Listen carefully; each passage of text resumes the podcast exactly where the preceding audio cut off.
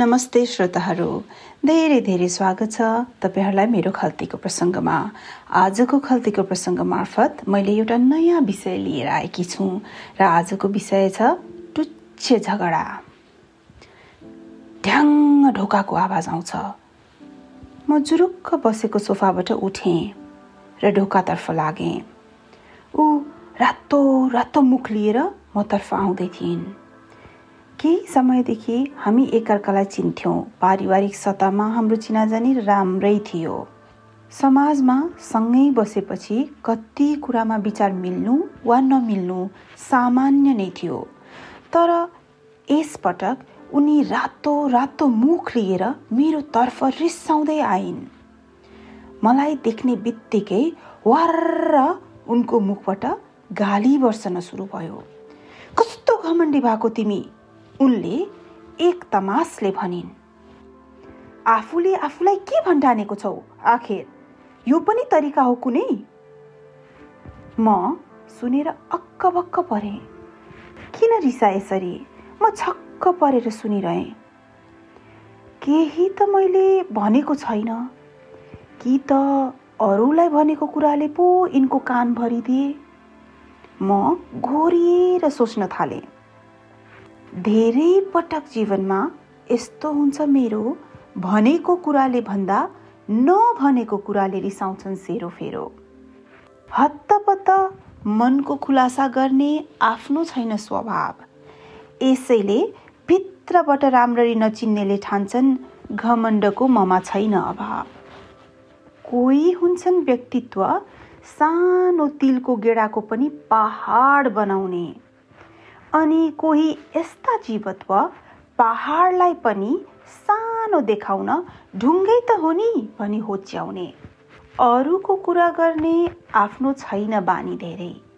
आफ्नो कुरो भन्ने आवश्यकतै लाग्दैन। त कुरो के गर्ने मैले? म आफूभित्रै सोच्न लागेँ। औँलामा गन्ने हो भने सही मानेको साथीभाइ औँलामा गन्ने हो भने सही मानेको साथीभाइ भनौँ औलाकै गिन्तीमा। ती पनि कति कोसौँ दूरीमा। कहिलेकाहीँ त लाग्छ पिँधमा खसेर लड्दा पनि आखिर एक्लै थिए। दुःखमा साथ दिने झन् धेरै कहाँ हुन्छन् र। पिँधमा खसेर लड्दा पनि आखिर एक्लै थिए। त्यो भन्दा त धेरै राम्रो एक्लै हुनु धुरीमा जब माया गर्ने र प्रगतिमा खुसी हुने साथीभाइ सब दूरीमा।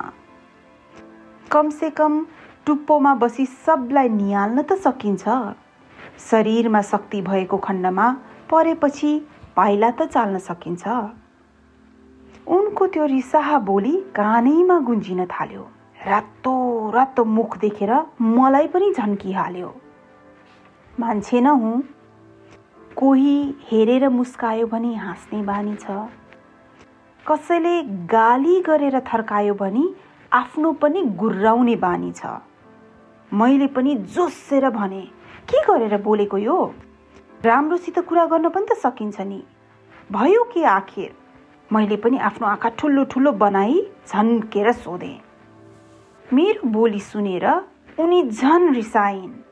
र ठुलो स्वरमा रिसाएर जवाफ दिइन्। यही भएर मैले तिमीलाई घमण्डी बनेको। आफूले आफूलाई तिमीले के के न ठान्ने? तिमीसित कुरा गर्न आउनु नै मेरो गल्ती हो।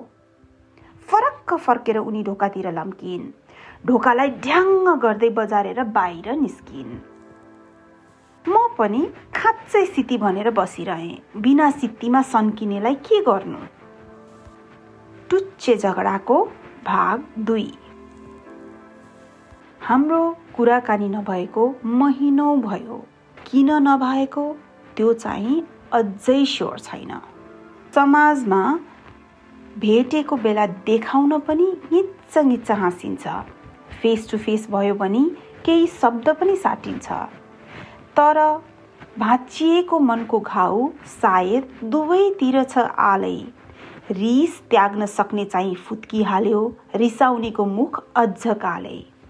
कहिलेकाहीँ म आफ्नै मनलाई सोध्ने गर्छु झुक्नलाई हामी किन यति डराउँछौँ? घाउ आफूभित्र पनि त्यति नै लाग्छ तर बाहिर बनावटी रूपमा किन कराउँछौ? डगमगाउने धरातलमा पाइला राखी अपेक्षा गर्छौँ हामी स्थिरताको। एक अर्काबीच सधैँ कम्पिटिसन र होडबाजी तर सौगातमा अभिलाषा भने मित्रताको। त्यसैले होला। आजकाल लाइक र डिसलाइकको साह्रो जोखना छ। रिस राग मेल प्रेम भावनाको रूपमा नभई रियाक्सनको रूपमा गणना छ। समयले एक दिन सबैलाई अवश्य घुमाएपछि थचार्छ। शरीर जति फ्लेक्सिबल भए पनि गाँठो परेको इगोले बजार्छ। तर फेरि ढोक्कै बजारी जानेलाई नरोक्न सकिन्छ। कहिले फर्केर आउलान् भनी न सधैँलाई ढुक्न सकिन्छ। अब गर्ने के? धेरै सोचे मैले यो विषयमा। अब गर्ने के? जीवनमा जति पाइला साथमा हिँडियो त्यसको लागि धेरै आभार। जीवनमा जति पाइला साथमा हिँडियो त्यसको लागि धेरै आभार। म बिनाको जुन तिमीले छान्यौ जीवन यात्रा त्यसको लागि चाहिँ साथी तिमीलाई शुभ यात्रा। यति भनेर लडाई त्यही सकाउनु बाहेक अरू उपाय केही छैन साथी हो। टुच्चे झगडा जीवनमा कति कति कुन कुनको लागि रुनु कुन कुनको लागि कराउनु। बरु साथीले म बिनाको जुन छान्यो यात्रा त्यसको लागि साथी तिमीलाई शुभ यात्रा। यति भन्दै आजको प्रसङ्गलाई यहीँ टुङ्ग्याउँछु। फेरि अर्को साता नयाँ विषय लिएर आउनेछु। सुनिदिनु भएकोमा धेरै धेरै धन्यवाद।